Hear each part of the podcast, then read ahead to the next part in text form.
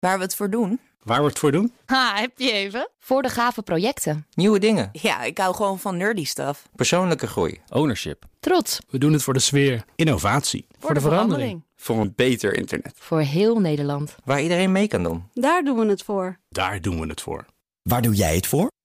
Kom werken voor KPN en groei op jouw manier. Check de actuele vacatures op het gebied van data, security, development en networking op jobs.kpn.com/tech.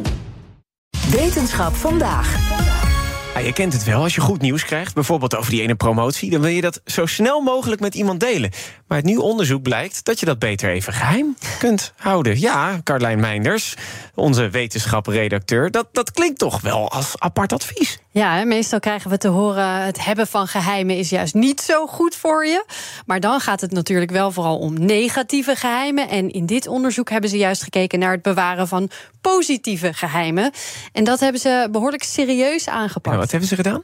De basis hiervoor werd uh, al gelegd door een enquête. Die werd ingevuld door honderden mensen. Daaruit bleek dat 76% van die mensen goed nieuws meteen deelt met iemand anders. Nou, dat, ik denk dat dat voor veel van ons ja, geldt. doe ik hoor. ook altijd. Ja. Ja. In sommige gevallen uh, wordt goed nieuws wel iets langer bewaard of gedeeltelijk bewaard. Bijvoorbeeld als het gaat om een huwelijksaanzoek of een zwangerschap of een cadeautje bijvoorbeeld.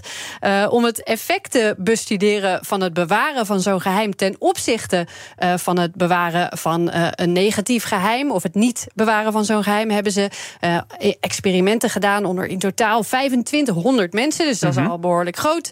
In eentje kregen bijvoorbeeld deelnemers een lijst met daarop 40 veel voorkomende soorten goed nieuws. Ja, waar moet 40 dan... soorten goed nieuws ja, zijn er dus blijkbaar. Dat is een ja. heel spectrum. Maar waar moeten we dan aan denken? Nou, je kan bijvoorbeeld denken aan uh, jezelf uh, iets heel bijzonders cadeau doen, een schuld afbetalen, uh, het winnen van een prijs. Je noemde al even een promotie, dat is ook een hele mooie. de deelnemers moesten ook aangeven welk goed nieuws ze in hun eigen leven hadden op dat moment en of ze dat al met iemand hadden gedeeld.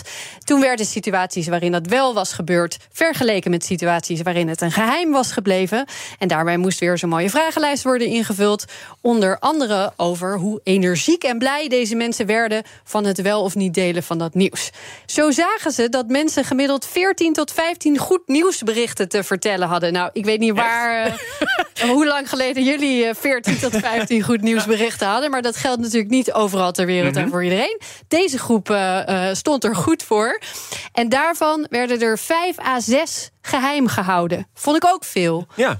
En ze zagen dat als mensen reflecteerden op het nieuws dat ze geheim hielden, ze zich een stuk energieker en blijer voelden dan wanneer het ging om iets wat al was gedeeld. Ja, ik kan me dus voorstellen, bijvoorbeeld met een huwelijksaanzoek, ja. dat je dat voor jezelf houdt om daar nog lekker even een paar dagen over te dromen. En, want het is natuurlijk in je gedachten en in je fantasie altijd veel mooier dan in werkelijkheid.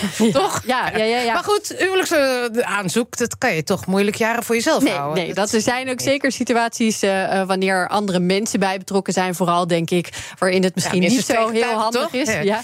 Je gaat ook niet zeggen, lieverd, uh, we hebben 100.000 euro gewonnen uh, tien jaar nadat het gebeurd is. Nou, dat, dat weet ik zo net nog niet. ik weet niet of je daarmee wegkomt thuis.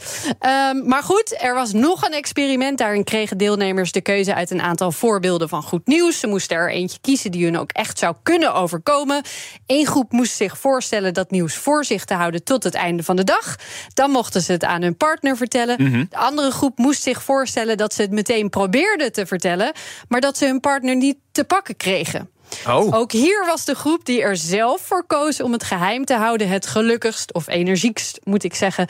Hier speelt het dus een rol of je het in eigen hand hebt ja. of niet. Alhoewel, dan denk ik wel bij mijn vriendin, als ik het een dag voor me houd, zegt ze direct: waarom heb je het een dag voor je gehouden? Dus dan word ik daar niet zo gelukkig ja, van. Het ligt ook een beetje aan je situatie. Exact. Uh, hebben ze dit nou ook vergeleken met die niet-positieve geheimen? Want dan is het effect, lijkt me, heel anders. Ja, dit uh, sluit allemaal keurig aan bij wat dezelfde Amerikaanse psycholoog, Michael Slepian van Columbia University, vorig jaar al schreef in het boek The Secret Life of Secrets.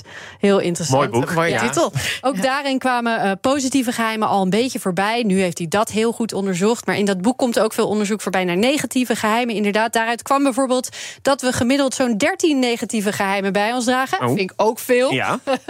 Eh, van onszelf, soms ook van anderen. ja, en aan wat voor soort geheimen moeten we dan denken? Eh, volgens deze onderzoeker zijn er eh, zo'n 38 categorieën categorieën, ja. En onder Wel minder dan positief. Ja, dat is leuk om te horen. Ja.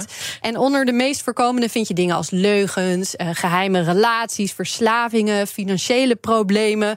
Eh, maar het kan natuurlijk ook iets anders zijn wat je hebt gedaan of wat je, wat je voelt, waar je je voor schaamt.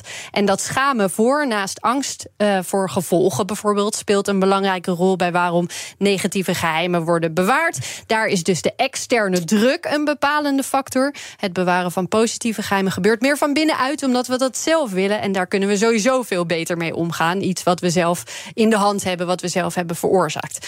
Dus als je dit nieuwe onderzoek moet geloven, uh, dan kan dat ons allemaal een energieker en levendiger gevoel geven. Dus dan kun je extreme sporten vergeten en drugs en seks. Hou gewoon wat vaker en wat langer een goed nieuwtje voor je. Wat goed is, als je een ton hebt gewonnen en dat geheim te lang bewaart, omdat je daar Ja. een goed verhaal van krijgt, maar dan vervolgens die ton hebt uitgegeven, dan moet je het zo snel mogelijk vertellen, want anders is het wordt een het weer negatief. Dat is een hele mooie samenvatting. Ja, mooi, heel. Precies. Dankjewel, Carlijn Meinders. Ook Liesbeth Staats vind je in de BNR-app. Ja, heel handig. Luister live naar Kees en mij tijdens de Daily Move. Dan blijf je ook gelijk op de hoogte van breaking news en het laatste zakelijke nieuws. En daar vind je ook alle BNR-podcasts, waaronder de Perestrooikast. Download nu de gratis BNR-app en blijf scherp.